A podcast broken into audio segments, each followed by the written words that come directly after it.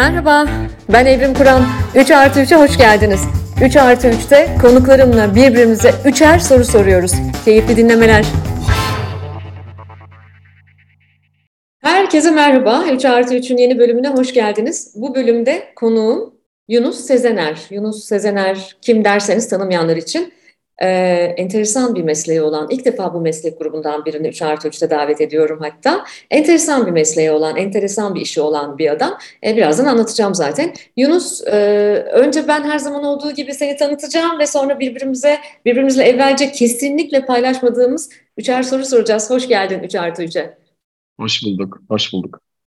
Ve Yunus Sezener kimdir? Ee, Yunus Üsküdar Amerikan Lisesi ve Koç Üniversitesi Hukuk Fakültesi mezunu. Yani bildiğiniz bir meslek. E, avukat kendisi ama o mesleği yapmıyor. Üç sene avukatlık yapıyor e, ve avukatlık deneyiminden sonra Almanya'da hukuk ve MBA yüksek lisanslarını birlikte tamamlıyor.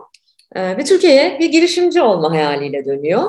E, iki sene e, yetenek avcılığı yapıyor, headhunting yapıyor. E, bir sene yönetim danışmanlığı e, ile ilgileniyor falan. Bunların ardından 2014'te 2014'ün başında Tenkap isimli şirketini kuruyor. Tenkap ne mi yapıyor? Efendim e, çöp çatanlık hizmeti veriyor. Yani e, şu anda yayında bir çöp çatan var. Yeni nesil bir çöp çatan var ki bu yayında bunları konuşacağız zaten. Tenkap e, öyle size böyle çok hani tek, teknolojinin T'si falan gibi gelebilir ama öyle değil. E, açılımı tencere kapak. E, oradan oluşmuş bir akronim. Yani bugünkü konu bir çöp çatan. Ee, ay hadi inşallah sevgili dinleyiciler hepimize faydalı bilgiler alırız. Hepimizin ihtiyacı olabilir. Ee, Yunus aynı zamanda bir yazar, iki kitabı var. Ortalıkta Düzgün Erkek Var isimli ilk kitabı ve İlişkilerin Gerçek Hikayesi isimli. Ee, bu sene değil mi Yunus o bu sene? E, ilişkilerin gerçek hikayesi bu sene. Ortalıkta Düzgün Erkek Var 3 sene kadar önce çıktı. Evet. evet. E, bu iki kitabını ben de okudum. Hatta e, kitapları okurken arkadaşlarım ziyarete geldi. Tam da sehpada kitaplar vardı. Böyle bir kaldırmaya çalıştım falan kitapları. E, Yakalandım yani kitapları okurken. Arkadaşlarım baktım ne yapıyorsun sen ya ortalıkta düzgün erkek var bir yanda ilişkilerin gerçek hikayesi öbür yanda falan. Evet e, Yunus hoş geldin. İyi anlattın mı seni? Çok teşekkür ederim. Şahane anlattın. Daha ne anlatacaksın? Bundan sonra beni tanıyın diye tanımak isteyenlere bu podcast'ın başını yollayacağım. tamam yollarsın. Ve e, ben ilk sorumu gönderiyorum. Hazır mısın? Tamam hazırım. E, şeyde e, ortalıkta düzgün erkek var kitabında e, e, sanırım bu. Şöyle bir şey söylüyorsun. Çağımızın en büyük hastalığı depresyon. Ancak benim gelecek için tahminim geleceğin en büyük hastalığının yalnızlık olacak olması diyorsun. E, bence çok da doğru söylüyorsun. Çünkü bugün flört pazarında olan biten bu savını doğruluyor. Ben çok uzun zamandır e, flört app'lerinde çalışan, flört app'leriyle uğraşan bir e, konuk almak istiyordum ama bu app'ler e, Türkçe yaptığım için bu podcast'ı e, bu app'lerden acaba kimleri alabilirdim falan derken e, Yunus'la karşılaştık ve evet dedim yani Yunus'u almalıyım. Uzun zamandır bu konuya çok meraklıyım. E, 2020 bir e, datası sanırım. 324 milyon insan 2022 hariç burada artmıştır bence 2022'de 324 milyon insan e, flört app'lerini e, flört app'i mi diyeyim ona ben ne diyeyim e, tanışma app'i mi ne deniyor onun Türkçesine? De, dating, tanışma. Dating tanışma app'leri, app'leri. evet. Tanışma Bu, uygulamaları. Aynen. Tanışma uygulamalarını kullanıyor. Ben de e, hem Kanada'daki hayatımda e, inanılmaz kullanılıyordu ve bence çok da medeni ilişkiler kuruluyordu. E, çok alışkındım yani birçok e, çevremdeki çift bu app'lerle e, tanışıp ilişkilerine devam ediyordu. Türkiye'de biraz daha geldiğimde biraz daha e, henüz tam oturmadığını gördüm ama Türkiye'de de çok kullanan olduğunu biliyorum. E, ve 20 milyon kişi de premium özelliklere para ödüyor. Yani bu gerçekten evet çok ciddi bir yatırım. E, sen de Tenkap'ta yani bir aplikasyonda değil ama bir portalda. Bir offline, e, offline bir, tanıştırma e, işi. Bir offline tanıştırma işi yapıyorsun. Ama Hı-hı. bir portaldan görüyor, bakıyoruz, giriyoruz. Sonra fiziksel olarak tanışıyoruz. Yani dijital bir iş galiba seninki. Şöyle birebir görüşmeyle insanları tanıyorum. Ee, bir algoritmamız var bizim. Algoritma çok böyle havalı bir kelime gibi duruyor çoğu kişi için ama bir şeyin yapılış yöntemi demek. İnsanların kendileriyle ilgili o sorular sorup yüzde otuz o sistemin bana destek olan bir tarafı var. Yüzde yetmiş birebir kendi hissiyatımızı kullanarak ya şu iki kişi otursa iki kelam laf konuşabilirler, bir şans verebilirler deyip insanları tanıştırıyorum. Ama onun datası da tabii 2013'lerde başladı aslında iş. e, birazcık. Böyle bir 9-9,5 senedir binlerce insan görüp onları tanıştırma işi. Çok kısa şu, online sorunu alacağım şimdi de online e, tarafta da muhtemelen Türkiye'den biri bir şeyler yaparsa zaten e, bundan sonra onu yapacak kişiyle de konuşuyorsun. Onu da söyleyeyim sana. Ay yaparlar mı Türkiye'de bilmiyorum ama yani çok yakından o şeyi de takip ediyorum. Sanırım şu anda bir numara Tinder dünyada. iki numarada evet. e, Bumble. Bumble. Bumble. Bumble. Bumble'da Tinder'dan ayrılan çok evet. ilgileniyorum çünkü e, kadın girişimci onlar. E, Bumble evet. kadın haklarını ve kadınları e, e, önceleyen, kadınların e, ihtiyaçlarını önceleyen bir platform. E, evet. Ve Bumble'da aynı zamanda sadece arkadaş olabilirsin e, Tinder'dan, Tinder'dan biraz daha farklı olarak. O yüzden ben e, Bumble'da çok sevdim ama bu app'leri çok uzun zamandır inceliyorum. Çok uzun zamandır Hı-hı. inceliyorum ve gittiğim çok çeşitli ülkelerde inceliyorum. E, hmm. inceliyorum derken ne demek istediğimi anlamışsındır sanırım. Sonra araştırmacı olduğum ortaya çıktığında eyvah falan diyor sohbet ettiğim insanlar. E, şimdi sorun buradan gelecek. Bu konu gerçekten çok ilgimi çekiyor. Çünkü tabii ki pandemiyle beraber bu yalnızlığın çok acayip bir hal olduğunu da yakından gördük. Biz hmm. neden ilişkiler, ilişki kurarken e, ilişkiler söz konusu olduğunda yani özel hayat söz konusu olduğunda artık kendimizi kadere teslim etmektense algoritmalara başvurmalıyız? Güzel soru. Ee, şöyle söyleyeyim, bu arada e, bu app'lerin hepsinde arkadaş olunabilir.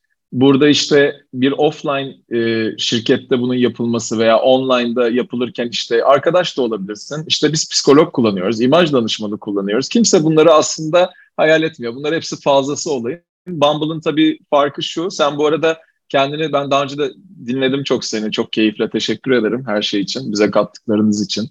Yani bütün e, sana katılımcı olanlarla da. Sen kendini feminist olarak tanımlıyorsun.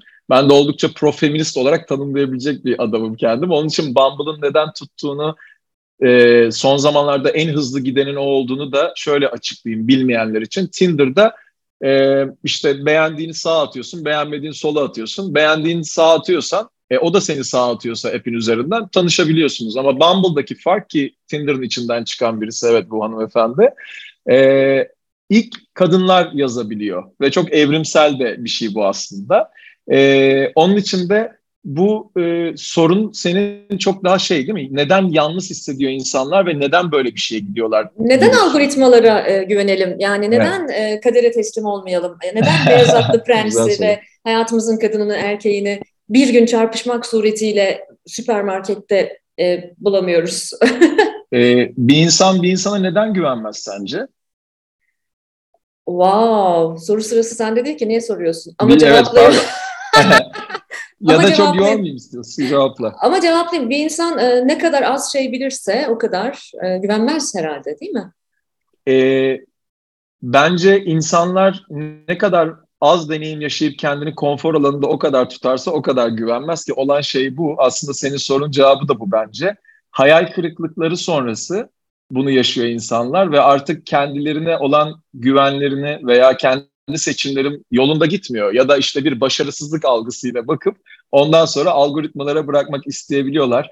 Ee, benim bir e, danışanım var şu anda. Bundan 8 sene önce de danışanımdı. Yine tekrar deniyoruz bana şey demişti 8-8,5 sene önce ya aslında bir robot gelse ben onu insan sansam onunla yaşasam falan demişti böyle öyle bir kafalara da gelmişti yani o iyi fikir, iyi fikir. hissinden iyi fikir aynen zaten olacak bu yani ben Fütürizm Derneği'nde de konuşmalar yapmıştım sentetik robotlarla oldu bile yani 2011-2012'lerden beri insanlar bunu yaşıyorlar.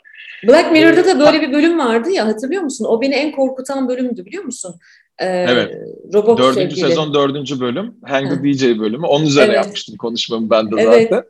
Ee, insanlar neden birbirlerine güvenmiyorlar? En temelde hayal kırıklığı hayal kırıklığına uğramak istemedikleri için başta güvenmiyorlar. Sonra güvenmek istiyorlar. Fakat artık hayal kırıklığı o kadar çok var ki ilişkiler konusunda artık ben yapmayayım birisi benim için yapsın diyorlar. İnsanlar bana da bunun için geliyorlar. Ben de onlara e, eğer siz çok büyük bir beklentideyseniz bir iki buluşmada bunun olmasını hemen bekliyorsanız ben de tacımı takıp sarayımda oturmuyorum şu anda. Böyle bir beklentide olmayın diyorum. Şu anda e, bu kadar gri alanların olduğu, bu kadar başı sonu belli olmayan bir konuda aslında işimiz falan da çok benziyor. Birçok yerde kesin kesişecek bugün zaten ama e, insanların bu kadar garantici, bu kadar emin olmak istemelerini tabii ki anlıyorum. Çünkü özellikle bizim toplumdaki algı böyle işte bir yastıkta kocamak falan filan ama e, sen mesela bir kere şey demiştin Acar Hoca ile konuşurken benim iki tane başarısız evliliğim var demiştin. Biz çok benzer yollardan geçiyoruz bu arada seninle. O algının tam tersinde benim algım biz seninle mesela ikimiz çok deneyim insanıyız, çok hareket insanıyız. İnsanlar birazcık hayal kırıklıklarına ve acıya olan bakış açılarını değiştirseler ve dönüştürseler ve harekete devam etseler zaten bu böyle olmayacak. Yalnızlığın asıl sebebi insanların zaten deneyim yaşamaması. Eğer birisi başarısızsa bana göre deneyimi yaşamayan zaten başarısız. Sana çok kısa bir soru soracağım bununla ilgili. Bu benim soru olarak ama bu sorunun içinde al lütfen. Ben tamam. senin spor hocan olsam şu anda Akşam geldim eve deli gibi karın çalıştırdım sana. Kettlebell'i verdim, iniyorsun, kalkıyorsun, atıyor, itiyorum ayaklarını 50 dakika, 55 dakika full karın çalışıyoruz. Ve yarın sabah oluyor, senin karnın inanılmaz derecede acıyor. İnanılmaz acıyor. Ne dersin bu karın acısıyla ilgili kendine? Abi ben acayip sevinirim. İşte senin acayip sevineceğine eminim. Ama yüzde 95-98 insan ah oh puf yapıp bunu bıraktığı için zaten insanlar yalnız kalıyor. Ben daha önce bir danışanıma ki yani ben offline bir iş yapıyorum online'dan bambaşka ama sen bence git Tinder'ı deneyimle dedim. E, çünkü bu deneyime laboratuvar gibi bakıp beklentini azaltıp umudu oradan çıkarıp sadece deneyim olarak bakarsan bence sende bir şeyler olabilir dedim. Teşekkür etti 3 ay sonra Tinder'dan sevgilim oldu dedi yani. sadece bakış güzel. açısı. Sadece bizim bizim ülkede şunu da gördüm ama.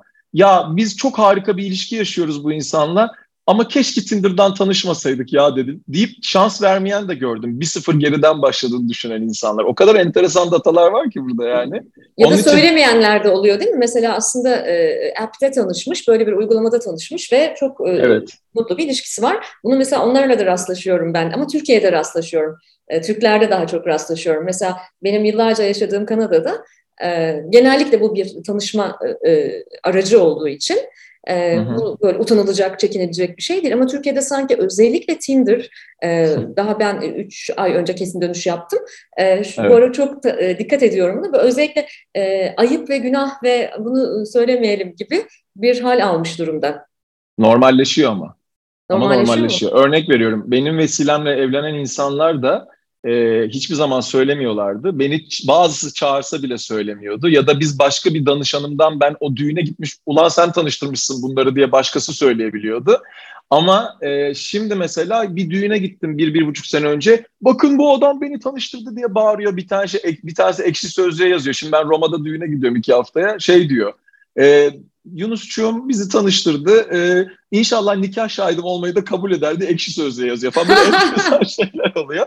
Onun için senin sorunun cevabı bizim kültüre çok özel bir şekilde evet yalnız hissediyorsa insanlar, deneyim yaşamayanlar yalnız hissediyor. Olayı çok büyüten ve konfor alanını büyüttüğünde daha da konfor alanına sıkışmaktan korkan ve çekinen insanlar. Bu da çok insani bir şey e, deneyimi yaşamayanlar yalnız hissediyor. Onun için her şeye laboratuvar gibi baksak, kendimize güvenip aslında gitsek, deneyimi yaşasak her şey çözülüyor bence.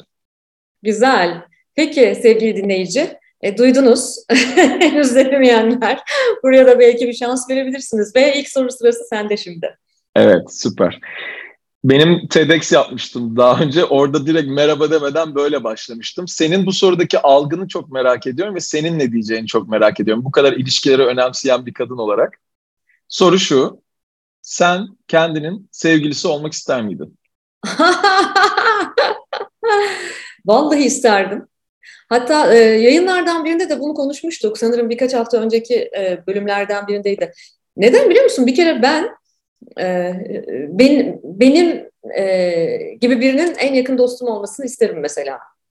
E, benim gibi biriyle dost olmayı çok isterim ve benim gibi bir dostu kaybetmek hiç istemem.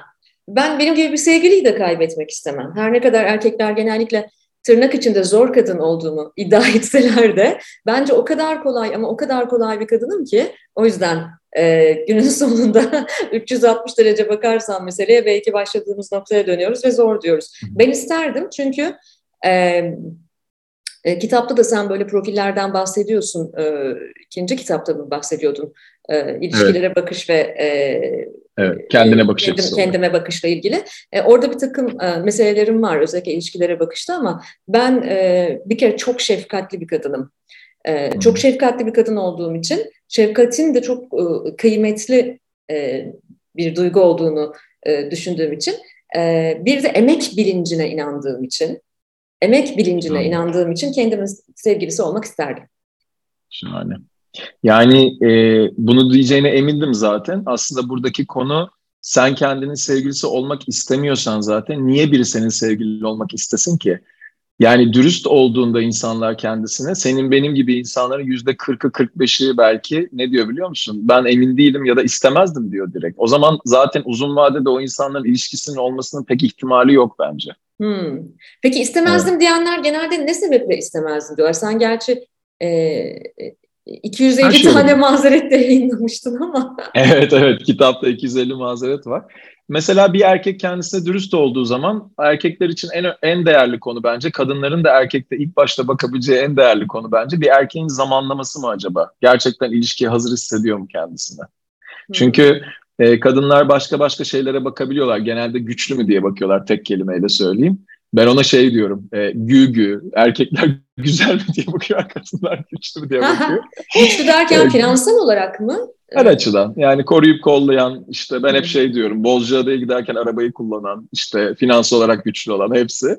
Ama işte e, bence bu, bu konu çok önemli. Yani senin bunu demene çok hiç şaşırmadım açıkçası. Çünkü senin bunu diyeceğine emindim. Sen çünkü ilişkilere çok önem veren birisin bence. Senin yaptığın konuşmaların içinde de ben hep şeyi görüyorum. Yani e, bütün o e, tanımların, etiketlerin, işte kendini kendinle ilgili söylediğin şeylerin içinde her zaman ya benim bir ilişkim veya evliliğim veya her şey tekrar tekrar tekrar olabilir var ya o senin içinde. O zaten onun öyle olduğu için olacak sende bence.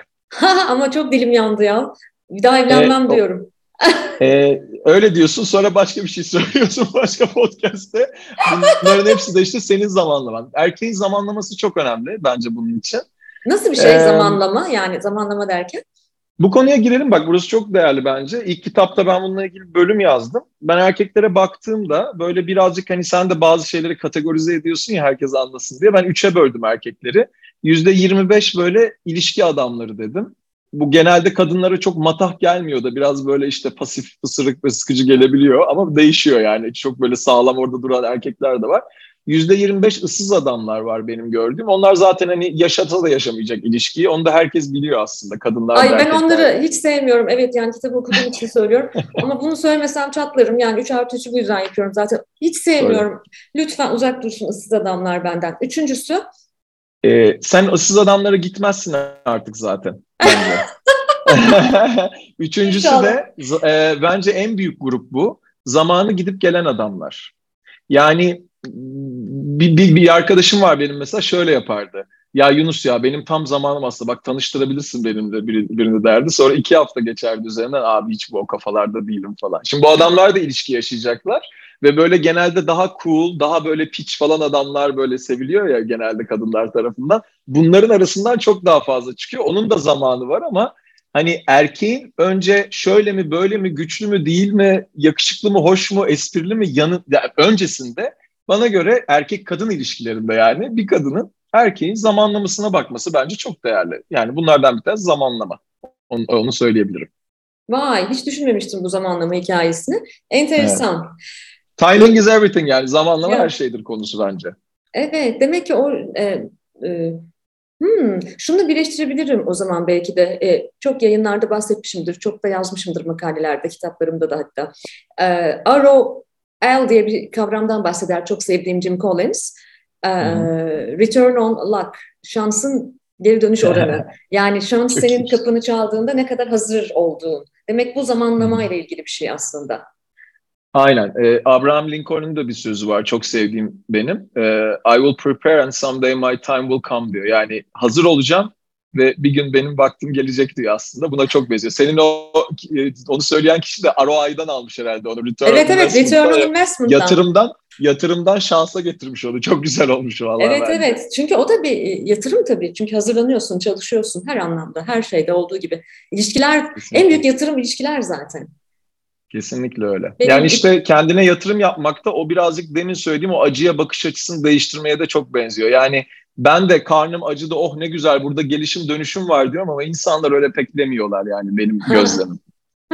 evet ben de ödemeye çalışıyorum. Ve ikinci sorum geliyor. Tamam. Yine şey ortalıkta düzgün erkek var kitabında şöyle bir şey yazmışsın. Biz bu dünyaya olan biten her şeyi kontrol etmeye gelmedik. Biz bu dünyaya şaşırmaya geldik. Hatta TEDx konuşmanda da bunu söylüyorsun. Hı hı. Ee, çok doğru. Ben de e, bir, bir vakit bir yazı yazmıştım. E, hayata şaşırma kulplarından tutunur insan diye.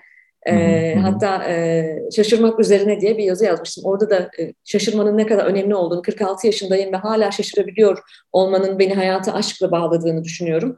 E, peki senin 2014'te Tenkap'ı kurduğundan beri en çok şaşırtan şey neydi seni bu işte?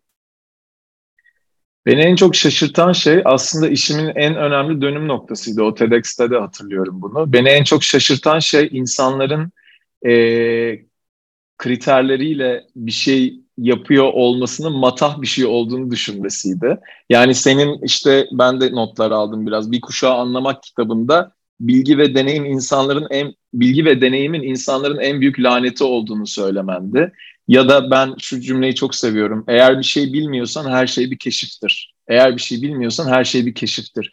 Bugün ilişkisi olmayan insanlar her şeyden emin olmaya çalışıyorlar. Ee, ve bana da birçok zaman biz bu arada birçok başvuru alıyoruz. Biz ayda birkaç kişiye hizmet veriyoruz. Butik bir iş veriyoruz, iş yapıyoruz. Çünkü e, genelde insanların algısı şu oluyor. Ben gideceğim bu insanlara ne istediğimi, kriterlerimi söyleyeceğim ve onlar bana bulacaklar gibi bir algısı var insanların genelde. Beni en çok şaşırtan aslında işin kendisinin dönüştüğü yerde. Çünkü insanlar zannediyor ki biz onları sadece tanıştırma işi yapıyoruz. Halbuki biz onların dönüşümüne vesile olma işi yapıyoruz. Sana bununla ilgili çok güzel bir örnek vereyim. Sen diyelim ki şimdi yeni bir eve taşınıyor ol.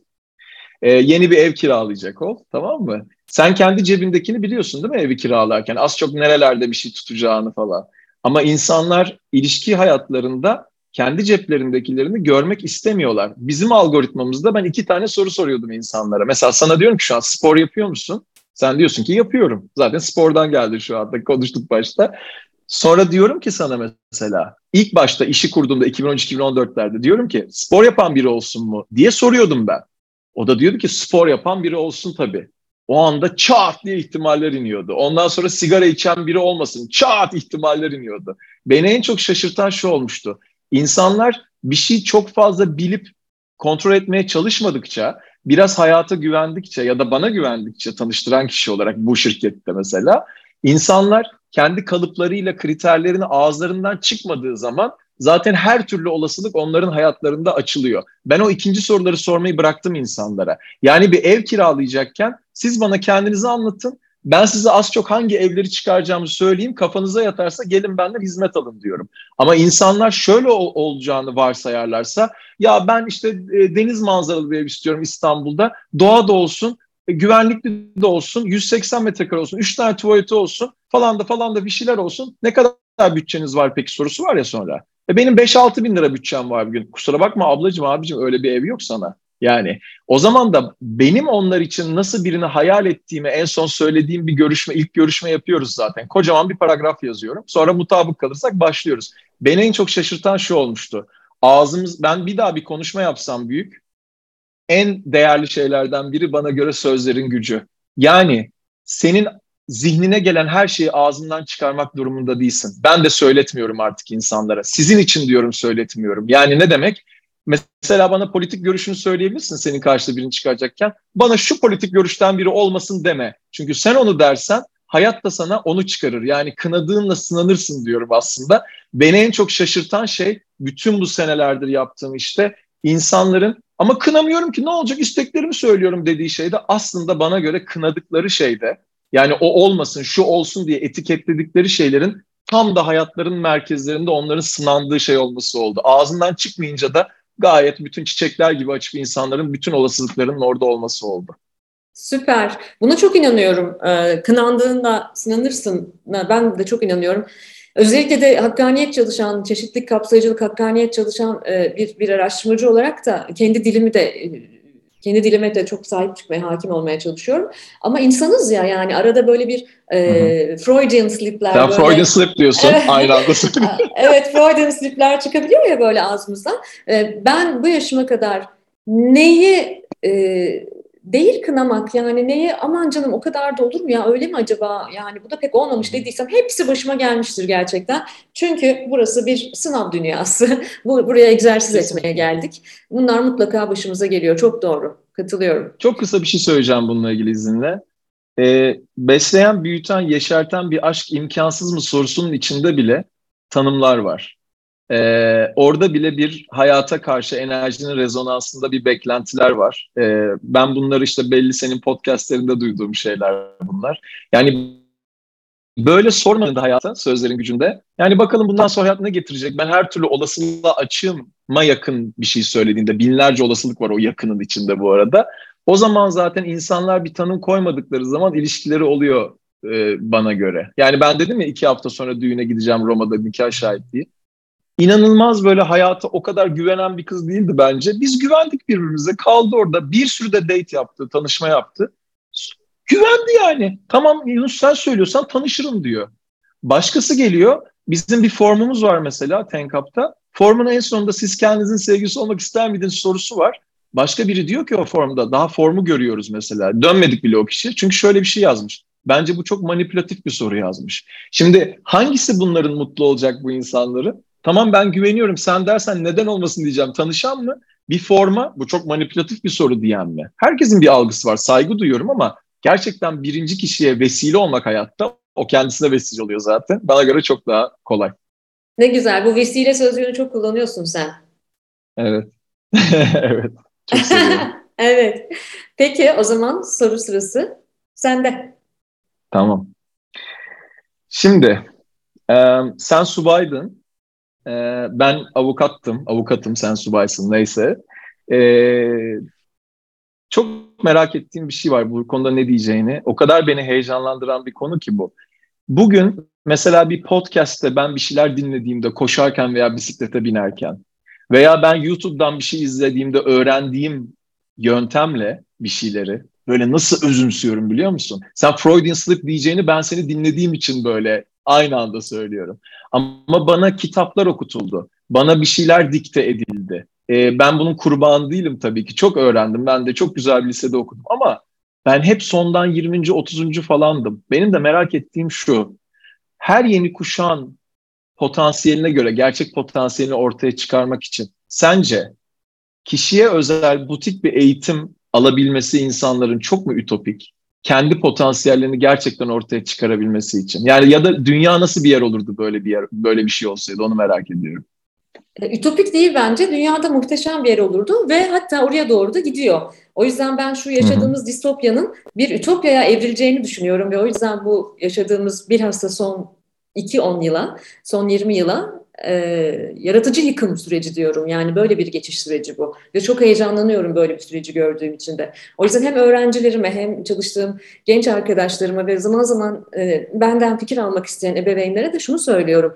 İnsanın e, üniversitesi yani üniversite üniversal bilgiye eriştiğimiz yer. O binalar, tabelalardan bahsetmiyorum. İnsanın üniversitesi yani bilgi mabedi, eğitim mabedi... Kalbinde ve kafasındadır, buradadır ve her gittiği yere taşır onu. Dünyanın neresine giderse gitsin onu taşır. O yüzden ütopik değil, bizim bireysel bir öğrenici olmamız.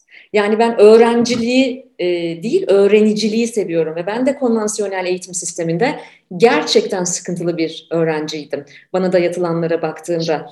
E, ama öğrenici olarak daha verimli oldum. E, ve sonra bu öğrendiklerimi, ben bu arada aslında e, e, yani pedagojik formasyonum da var. Bir dönem eğiticilik, öğretmenlik de yaptım çok gençlik yıllarımda. Ve e, bu konvansiyonel sistemlerin hiçbirinin çalışmadığına inanmıyor, çalıştığına inanmıyorum. Hatta yetişkin eğitiminde de kurumlarla çalışırken de yetişkin eğitiminde de konvansiyonel öğrenme modellerinin çoktan iflas ettiğini düşünüyorum. Ama her bir çalışanı, her bir birey, her bir evladı bireysel öğreniciler haline getirebiliriz. Ben bunu e, en yakından kendi oğlumda uyguladım. Hiçbir zaman akademik başarısıyla ilgili en ufak bir yorum yapmadım. Hiçbir zaman akademik bir yönlendirme yapmadım. Sadece epistemolojik açlığını yani iştahlı, öğrenme iştahını diri tutmaya çalıştım. Çünkü çocuk gördüğünü yapar. Evde kitap görürse e, kitapları merak eder. Evde e, film izleyenler, iyi müzik dinleyenler e, duyarsa bunlara bunlara merak sarar. E, geçenlerde oğlumla e, aynı yerde yaşamıyoruz artık Kanada'da o. Geçenlerde bana e, telefonda iki tane şey söyledi. Beni mutlu edecek iki tane şey. Sana senin çok ilgileneceğini düşündüğüm dedi senin çok ilgileneceğini düşündüğüm. Enteresan. E, iki tane şey söyleyeceğim. Bir tanesi e, okul gazetesinde ben e, editor in chief olarak künyede ismim çıktı dedi. E, akademik performansla hiç alakası yok. Yani okul gazetesinin genel yayın yönetmeni olmuş. E, ve ben de edebiyata, sanata, yazın e, yazına çok meraklı olduğum için e, e, benim ilgimi çekeceğini düşünmüş. Yani annem ben, bana hediye alır, ödüllendirir diye söylemiyor bunu. İkincisi de bir proje istediler bizden dedi. Ben de böyle bir e, makale yazdım dedi. Milattan önce e, 500'de alınan kararların bugünkü siyasi iklimi ne kadar olumsuz etkilediğini anlatan bir makale yazdım dedi. 15 yaşında Ali. E, bunu benim oğlum dahi, diye, evet, dahi diye söylemiyorum tamam mı? Dahi falan değil gayet normal bir çocuk. Ama bireysel öğrenici haline getirirsek biz evlatlarımızı yani bir sistemin dişlileri arasında ezilmelerine izin vermemeye çalışırsak evet Türkiye'de konvansiyonel eğitim sistemi e, çok e, çoktan seçmeliler içerisinden e, akıl yürütmeye dayalı değil, öğrenme iştahını tetiklemiyor tabii ki. Ama buraları evirirsek ben bunların mümkün olduğunu düşünüyorum. Ama benim oğlum da mesela mühendis olmak istemiyor, doktor olmak istemiyor, avukat olmak istemiyor. Akademik olarak onu zorlayacak dersleri seçmedi lise 3'te şu anda. Ne istemediğini biliyorsa, ne istemediğini evet. biliyorsa zaten ne istediğine gidecektir. Evet öyle ki e, e, yani sayısal dersleri çok başarılı bir çocuk olduğu için e, geleneksel bakış açısı olan insanlar e, biraz da içe kapalı ve nerd bir tiptir Ali. E, bu mühendis olur diyorlardı. E, ama hayır e, şu anda e, medya sanatları e, dersleri, dijital sanatlar, medya sanatları dersleri seçti. Yani e, dijital yetkinliklerini sanata ve tarihe olan ilgisiyle birleştiriyor ve film endüstrisinde çalışmak istiyor. Şimdi bütün bunlar bize çok saçma gelebilir. Ay aç kalır, nerede iş bulacak falan diyebiliriz belki. Bu bir yöntem, e, bu, bu, bu bir seçiş. Ben bunu seçmiyorum çünkü ben e, Halil Cibran gibi dünyayı delilerin e, ve dahilerin değiştirebileceğini düşünüyorum. Eğer dahi hmm. değilseniz en azından deli olma hakkını elinizde bulundurabilirsiniz. Aynen. Risk alanlar yani. Risk alanlar yani evet. E, azıcık rahat bırakmak lazım galiba çocuklarımız. O yüzden soruna cevaben özellikle bu kuşakta herkes üniversite okumak zorunda değil, herkes üniversite mezunu olmak zorunda değil, herkes o sınavlara girmek zorunda değil. Ee, ve çok kısa bir süre içerisinde, önümüzdeki 10 yıl içerisinde Türkiye'de, dünyada bu başladı bile. Zaten bu klasik e, brövelerin, derecelerin, e, konvansiyonel e, eğitim sisteminin bize Kimse bakmayacak artık onlara. hiçbir önemi olmayacak evet. diye düşünüyorum yani. Olmayacak. Yani şahane evet. bir jenerasyon geliyor. Eğer alan açarsak, eğer alan açarsak gerçekten. Süper. Benim de bileğimde bir bileklik hediye etti iki gün önce biri bana. Bıraktığın önüne serilir yazıyor. Aa, yani her tarafından bakabilirsin bu cümleye. Yani Ali Aliciğimin işte hayatına bakabilirsin, seninkine bakabilirsin, ilişkinize bakabilirsin.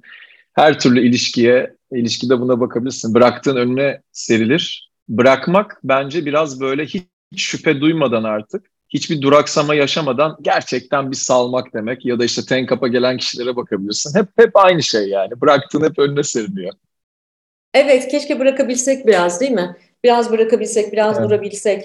Ee, geçenlerde... Ama bizim elimizde olduğunu kabul etmek önce işte bence. Hı hı. Evet yani geçenlerde e, çünkü toplum böyle istiyor, e, mahalle böyle diyor. E, el alem ne der gibi şeylere de takılmadan e, keşke biraz e, biraz öyle bırakıp durabilsek. Geçenlerde Erhan, sevgili Erhan Güzel e, birkaç hafta önce konuğumdu. E, Devlet İstanbul Devlet Opera Balesi baş baleti. Erhan çok güzel bir şey söyledi bale eğitimini anlatırken. Dedi ki, Erhan'cığım selam olsun buradan da sana. Dedi ki balede bize önce durmayı öğretirler dedi. Bu benim için bayağı bir meydan okuyuştu. Nasıl ya sizin zıplayıp havada üç kere düşmeyi öğretmiyorlar mı size? Yani hani oradan oraya hoplamayı öğretmiyorlar mı? E, diye bakabilirsin ama bu beni çok etkiledi ve günlerdir bunu düşünüyorum. E, önce e, durmak, durmak, köklenmek, kendine bakmak, e, durabilmek, ondan sonra salabilmek. Evet. Bunlar bizim e, evet. e, bu çağda unuttuğumuz unuttuğumuz hal ve hareketler. Ben e, anneliğimde Kesinlikle. bunu yapmaya çalışıyorum. Aslında ilişkilerimde de bunu yapmaya çalışıyorum ama işte anneliğim kadar e, işe yaramıyor olabilir. Şimdi ee, oradan sen her yerde onu çok güzel sen orada çok güzel yapacaksındır hepsini. Çok kısa bir katkıda bulun bizimle. Yani ne kadar rezone eder bilmiyorum söylediğin şey ama bana çok e, nasıl diyeyim bir bağlantı olduğunu düşünüyorum. Bir, bu hafta sonu bir inzivaya gittim. Daha önce ben meditasyonlar denemiştim. İşte durmakla ilgili konuştuğun için söylüyorum. E, meditasyonun e, gerçekten benim için nasıl faydalı olduğunu anladım galiba sonunda. Yani başka bir şey öğrendim çünkü. Çok kısa söylemek istiyorum. Hani işte bale, dans etmek, gitmek, yapmak falan gibi düşünüyor çoğu kişi. Halbuki meditasyon ben şey zannettim. Hep bir yere gitmek olduğunu zannettim. İşte astral seyahatler, bir yerlere gitmeler falan filan. Bir yerlere de gittim daha önce denediğimde. Ama bence meditasyon kalmakmış ya da durmakmış. Yani şöyle düşün, dışarıdan bir horoz sesi geliyordu. Horoz sesini anlamlandırmamakmış. Niye ötüyor bu horoz falan değil. Yani geliyor, ben onu durduğum yerden yolluyorum. E, dinç bir yerdeyim, rahat bir yerdeyim, canlı bir yerdeyim ama uyumuyorum da ama geliyor, götürüyorum. Hiçbir şeyi hatırlıyorum. Hiçbir şeyi hatırladığım yerde bana geleni yolladım, bana geleni yolladım.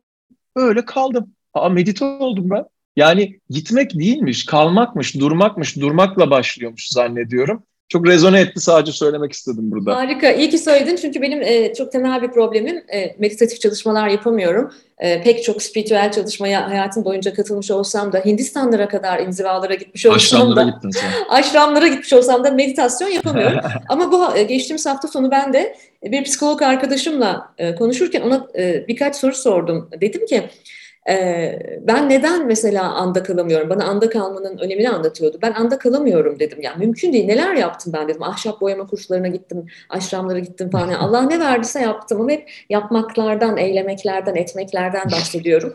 Ee, o da bana dedi ki yo anda kalıyorsun dedi. Nasıl dedim ya mesela dedi sen 3 artı 3 podcastlerinde acayip andasın dedi. Hatta Akıyorsun. o kadar evet o kadar akıyorsun o kadar neşelisin ki yani o kadar keyifli yapıyorsun ki bu işi veya sahnede hep andasın dedi. Zırt pırt anda kalacaksın diye bir şey yok dedi. Yani e, demek Hı hı. ki anların var. Anda kalabildiğin anların var ve akıştasın. E, her zaman da anda kalmak zorunda değilsin. Bu beni bayağı bir rahatlattı. E, otoriteyle sorunu olanlar genellikle e, daha spiritüel, derinlikli meditasyonlar yapamıyorlarmış. Bir hocamdan da bunu öğrenmiştim. E, benim de otoriteyle sorunum e, hala devam ediyor. E, ebeveyn ilişkilerimiz ilişkilerinle ilgili söylediğin şeyleri hatırladığım için hani onlar sağ olsunlar bize şahane genler verdiler ellerinden geleni yapıyorlar ama çok benzer yanlarımız var bir gün ayrı konuşuruz inşallah. Evet inşallah bir gün o tarafı da konuşuruz. Ve geldik e, benim üçüncü ve son soruma. Çok önemli bir soru sevgili dinleyici. Hepimiz adına özellikle çok kadın dinleyicim var benim. Hepimiz adına soruyorum. Hazır mısınız? Freud'un meşhur bir sorusu var. E, bunu e, ben kendim bildim bileli her yerlerde görürüm, duyarım. Freud şunu sorar, kadınlar ne ister? Hatta şöyle bir şey söylediğine rivayet edilir Freud'un. 30 yıl insan ruhu üzerine araştırma yaptım ama kadınların ne istediğini anlayamadan ölüyorum der. ben de 46 yaşındayım. iki kez e, evlendim e, ve boşan, iki kez boşandım. E, evlenmediğim erkek arkadaşlarım da oldu ama ben de hala bilmiyorum. Erkekler ne ister? İşin uzmanına, bir matchmaker'a, bir çöp çatana soruyorum. Erkekler ne ister Yunus? Şimdi erkekler ne ister, kadınlar ne ister? Ee, kadınlar e, en temelde yani hangi sosyal statüde olurlarsa olsunlar her zaman işte biraz konuştuk ama güçlü, güven veren, koruyup kollayan, e, gerçekten onlara iyi gelecek zeki olması çok önemli erkeklerin işte komik olması önemli. Bunlar sonradan geliyor genelde. Bunu istiyorlar. Ben her kadın adına her zaman her şeyi konuşmam. Hiçbir zaman bu böyledir de demem bir sabah programında çıkan ad, adam gibi hani böyle konuşup bir şey söylemem ama çünkü onun söylenmesini istiyor herkes. Bir formül arıyor herkes. Formül herkesin kendi formülü. Ee, erkekler de e, bence biraz evet yani kendine hoş gelen kadınlarla başlamak istiyorlar. Onlar da zekaya önem veriyorlar. Onlar da koruyup kollanmak istiyorlar. Aslında erkekler de çok duygusal. Onlar da gülmek e, istiyorlar. Cilvelik liliğini göstermesini istiyorlar bir kadının. Kadınlığını göstermesini hayal ediyorlar vesaire. Burada enteresan taraf şu. E, böyle baktığımda hani şey dedim ya bu sosyal statü işte A, B, C1, C2, D falan diye gidiyor ya bunlar böyle. Yani erkekler her yere gidebiliyorlar burada tamam mı? Yani iki tane böyle düz çizgi çek gözünün karşısına. Erkekler her tarafa gidebiliyorlar böyle. Kadınlar ise hep en yukarıdakileri genelde istiyorlar. Tamam mı? Yani e, o zaman da onun yani kadınlar nerede durduklarına bakmayıp onu isteyebiliyorlar. Aslında senin o kadınlardan söylediğin şey o. Sinan Canan çok güzel anlatmıştı sevgili Sinan Canan. Şey e, kadınların 12 ayı vardır, erkeklerin iki ayı vardır. Yani o çözülemeyen şey aslında. Çünkü değişken bir konu var ve bu çok normal, çok insani bir şey yani. Sonuçta kadınların da bir rolü var, erkeklerin de bir rolü var bu hayatta. O rolleri içine girelim de aman rollerle yaşayalım değil ama o rolleri de biraz kabul etmek, birazcık kimin nasıl bir şey hayal ettiğini farkında olup biraz kadın erkek ilişkilerinde orada dışarıdan bakıp tanık olup oraya önce kendimizi bilip kadın veya erkek olarak nerede durduğumuzu bilirsek, kendimizi tanırsak o işte yani emlakçı örneğinde cebimizdeki para iyi bir örnek olmayabilir ama çok somut bir örnek. Senin cebinde ne kadar varsa bir erkek veya kadın olarak kusura bakma ama senin de hakkın o kadar yani. Benim de hakkım o kadar. Anlatabildim mi? Ama sen kendi cebindekini bilmiyorsan, insanlardan geri bildirim almıyorsan, sen mesela insanlar gelip şey diyorlar mesela. Beni yakın arkadaşlarım tanır diyorlar. Tamam da yani sen gerçekten nerede durduğunu bu hayatta biliyor musun? Sen sadece senin e, yakın arkadaşlarından alacağın geri bildirim yerine bir kadın veya erkek olarak acaba herkesi duyuyor musun? Çünkü muhtemelen diğer insanların seninle ilgili söylediği şeylerin yakın arkadaşlarının seninle ilgili söylediği şeylerden senin hayatında çok daha büyük etkisi var. Benim de öyle. Yani ben avukatlığa devam etseydim mesela biri girse hayatıma hiç kimse gelip ah bu adam avukat ya da hiç kimsenin ailesi avukat ne kadar kötü demezdi. Ama ben işte o kitapları sakladığın adamın provokatif işini yapan biri olarak mesela ben bunun da artısını ve eksisini görüyorum. Onun için birçok kadın veya birçok kadın ailesinin etkisiyle birçok kadın benimle olmak istemeyecek mesela. Onun için de bu neydi Pareto muydu yüzde yirmiye seksen falan evet. diyor. Yani kadınlar da erkekler de güzellik ve güç olarak o yüzde yirmiye gitmek istiyor. O yüzde seksen aşağıda kendi durduğu yeri görmezse Anlatabildim mi? Yani şey gibi düşün. Pareto'yu şeyde hani çok kısaca anlatayım burada. Mesela bir şirket muhtemelen yüzde yirmilik müşteri diliminden para kazanıyordur. Yüzde seksen yerine o kişilerden. E, o herkes yüzde yirmiye gitmek istiyorsa aşağıdakiler de iki taraflı güzellik veya güç olarak o yüzde yirmilere vuruyorsa yukarıda onlara gitmeye çalışıyorsa kendilerini görmüyorsa bir yerlerde bir şeyler yakalayabilirler ama kimse kusura bakmasın biraz davul bile dengi dengine yani ben çok bayılmıyorum bu şeye e, cümleye ama hangi double olduğunu bilmek bence burada çok değerli. Mesela ben bayağı kendi artı ve eksilerimi biliyorum çünkü insanlardan çatır çatır geri bildirim alıyorum. Anlatabildim mi? Hani bunu alan ve kendi hayatını nerede durduğuna dönüştüren insanlar zaten mutlu oluyorlar. Ama insan mesela sosyal medya, sosyal medyada yani ben görüyorum geçenlerde birini gördüm şeyde danışanlarımdan. Sosyal medyadaki görüntüsüyle kendi görüntüsü arasında dağlar var yani. Aynı kişi değil. E o zaman ne yaşıyor bu insan mesela? Anlatabildim mi demek istediğimi? Anlıyorum. Ama ben gene de e, şu, şuna, şuna e, deneyimsel olarak itiraz edebilirim. E, evet, evet. Ah, e, düzgün cümleler kurmaya çalışacağım. Öfkeli Nasıl cümleler istiyorsun? değil. Um, gerçekten zekaya önem veriyor mu erkekler ya? Çok veriyorlar İlk bence. önce onu söyledin çünkü erkekler ne ister? E, dedin ki zeki kadın sen nasıl? Yok önce nasıl önce önce güzel önce güzelliğe bakıyorlar. Önce hmm. güzelliğe bakıyorlar ama kendi seviyesine göre güzelliğe bakıyor. Yani şöyle bir yani öfkeli cümleler kullanmayacağım diyorsun ya. Ben her zaman yüzde 99 yüzde 99 ne gördüğümü söylüyorum. Her şey istisnası var fakat istisnaların peşinden hmm. koşanların bu hayatta çok böyle bir yerlere gittiğini görmedim. Sen bugün bir AVM'ye git İstanbul'dayız ikimiz de. Bu kültürde, bu topraklarda göreceksin ki adamlar yani yüzde 90-95 belki belki 85 erkekler kadınlardan e, daha varlıklı, kadınlar da erkeklerden daha güzel. Git çiftlere bak. Yani neye göre daha güzel? Bin kişi onlara bir oy verseydi, on bin kişi büyük sayılar kanununa göre kadınlar daha hoş adamlara göre genelde. Bunun tersi bir durumlar oluyor mu? Olmuyor mu? Oluyor. Tabii ki oluyor. Ama onun arkasında bu toplumun kendi paktları var sanki ve neden beslendiklerini ben bilmiyorum. Ama ben de illa böyle birilerini tanıştırmıyorum. Yok o daha güzel olsun, yok bilmem ne olsun ama böyle bir şey var yani ortada. Onun için de erkekler kendilerine göre, göre daha güzel kadınlara gidiyorlar genelde. Kadınlar da kendilerine göre daha güçlü erkeklere gitmek istiyorlar ya da eşit seviyede olsun en azından diyorlar. Yani en temelde bu var sorunun cevabı. Böldüysem Hı-hı. kusura bakma. Bir de şu yani e, e, Türkiye'de beni çok rahatsız eden konulardan biri her şeyin sınıfsal olması. Ne yazık Hı-hı. ki Türkiye'de ilişkiler de ilişkilere bakış da sınıfsal.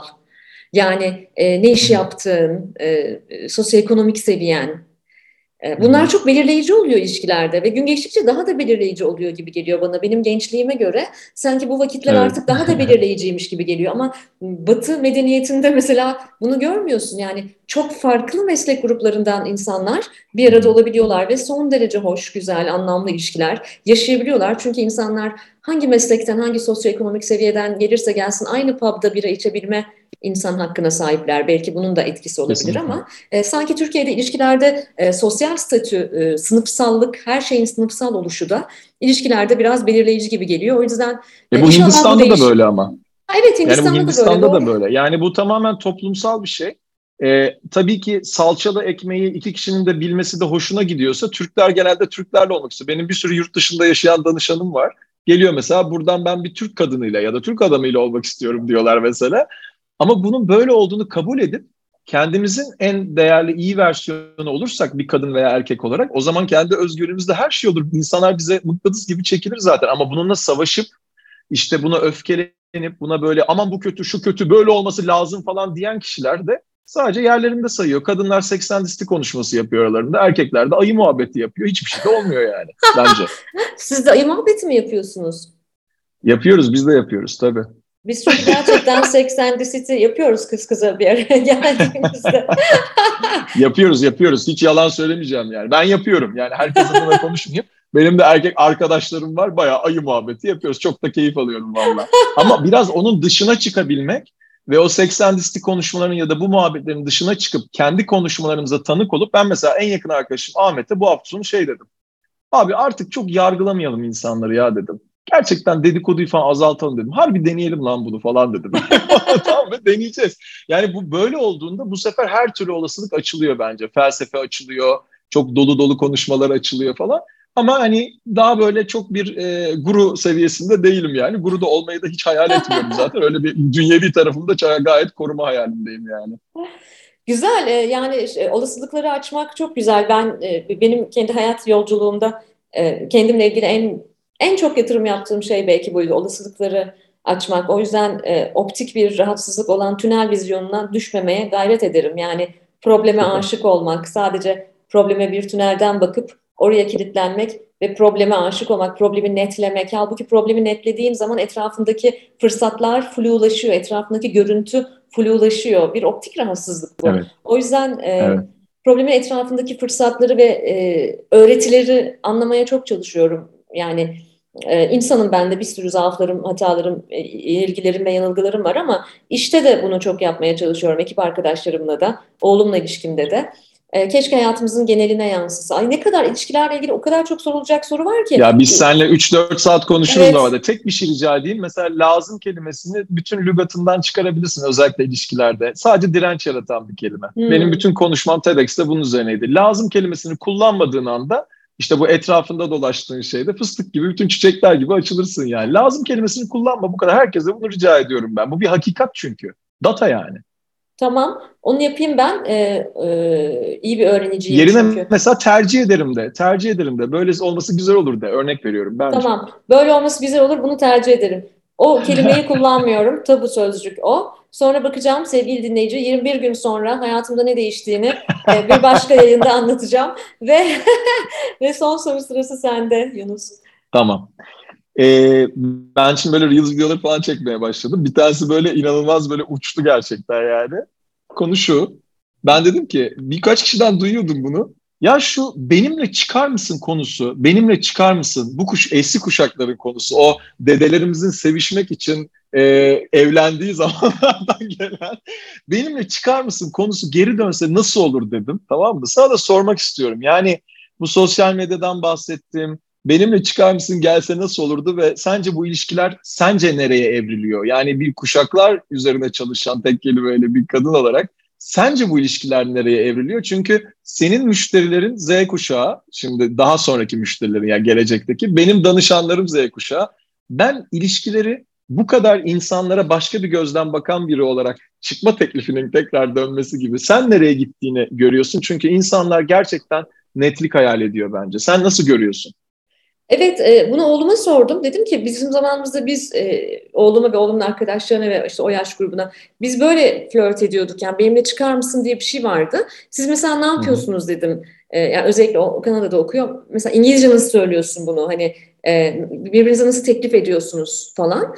E, bence biliyor musun geri dönmeye başladı bunlar.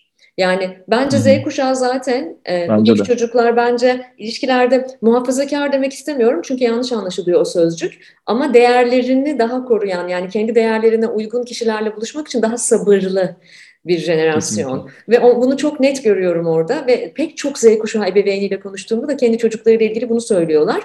Ee, böyle sabırsız değiller ve hemen atlayalım, hemen evlenelim, hemen yaşayalım, hemen sevişelim gibi halleri de yok bu arada. Çünkü ben e, toplumsal cinsiyet çalıştığım için cinselliğe bakışları üzerine de çok e, çalışmalar, çok araştırmalar yapıyorum. Böyleler ve bence oraya doğru geri dönüyor. Zaten kuşak çalışmaları bize her şeyin döngüsel olduğunu anlatıyor. Yani e, lineer değil, döngüsel ve sanki oraya doğru dönüyoruz. Şimdi bugün bu olsaydı mesela e, birisi bana çıkma teklif etseydi mesela nasıl çıkma teklif ediyorduk onu hatırlamaya çalışıyorum.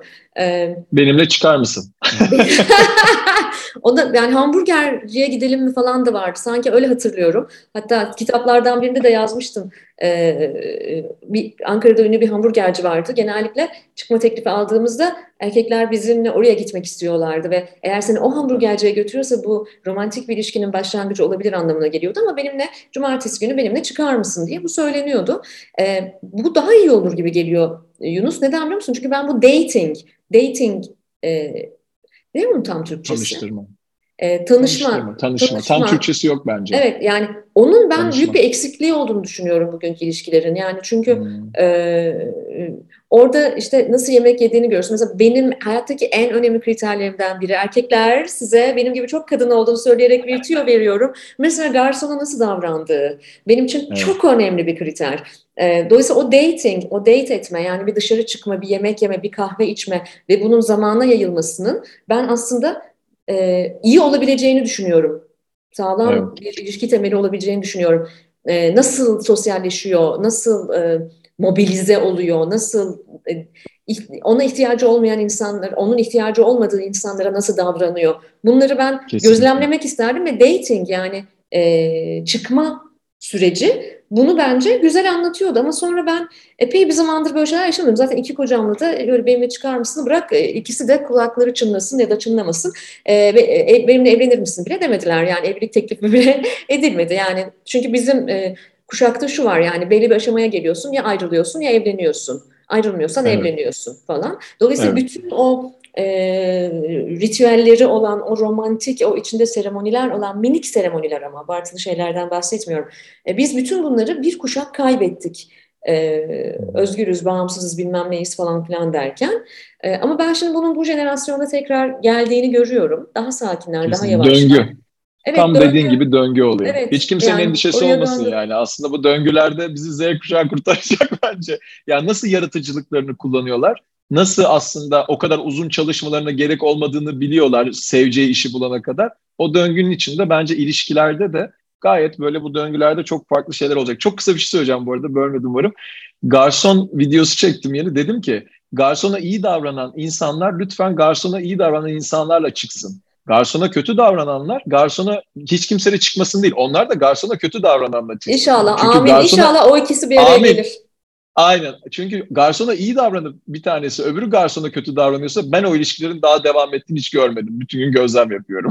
Kesinlikle öyle. Kesinlikle öyle. Benim o kadar önemli bir kriterim ki yani iş toplantılarımda, arkadaş buluşmalarımda da tabii ki çok önem veririm ama yani bir erkekle daha romantik bir buluşmada bunun acayip önemli olduğunu düşünüyorum. Kesinlikle. Ee, ve e, yani ez cümle bu kuşağın bu meseleyi çözeceğine inanıyorum. Hatta öyle ki geçen gün Ali bana dedi ki birkaç konuda bana akıl veriyordu. Dedi ki anne aslında bir tuhaflık yok mu? Yani ben 15 yaşındayım e, ve şu anda flörtlerle ilgili e, senin bana e, tavsiyelerde bulunman ve akıl vermen gerekiyor sanki. ben o çağdayım ama sanki şu an ben sana tüyo veriyorum ve ben sana akıl veriyorum falan dedi. Ben çok akıl alıyorum Ali'den vallahi ve çok işe yarıyor.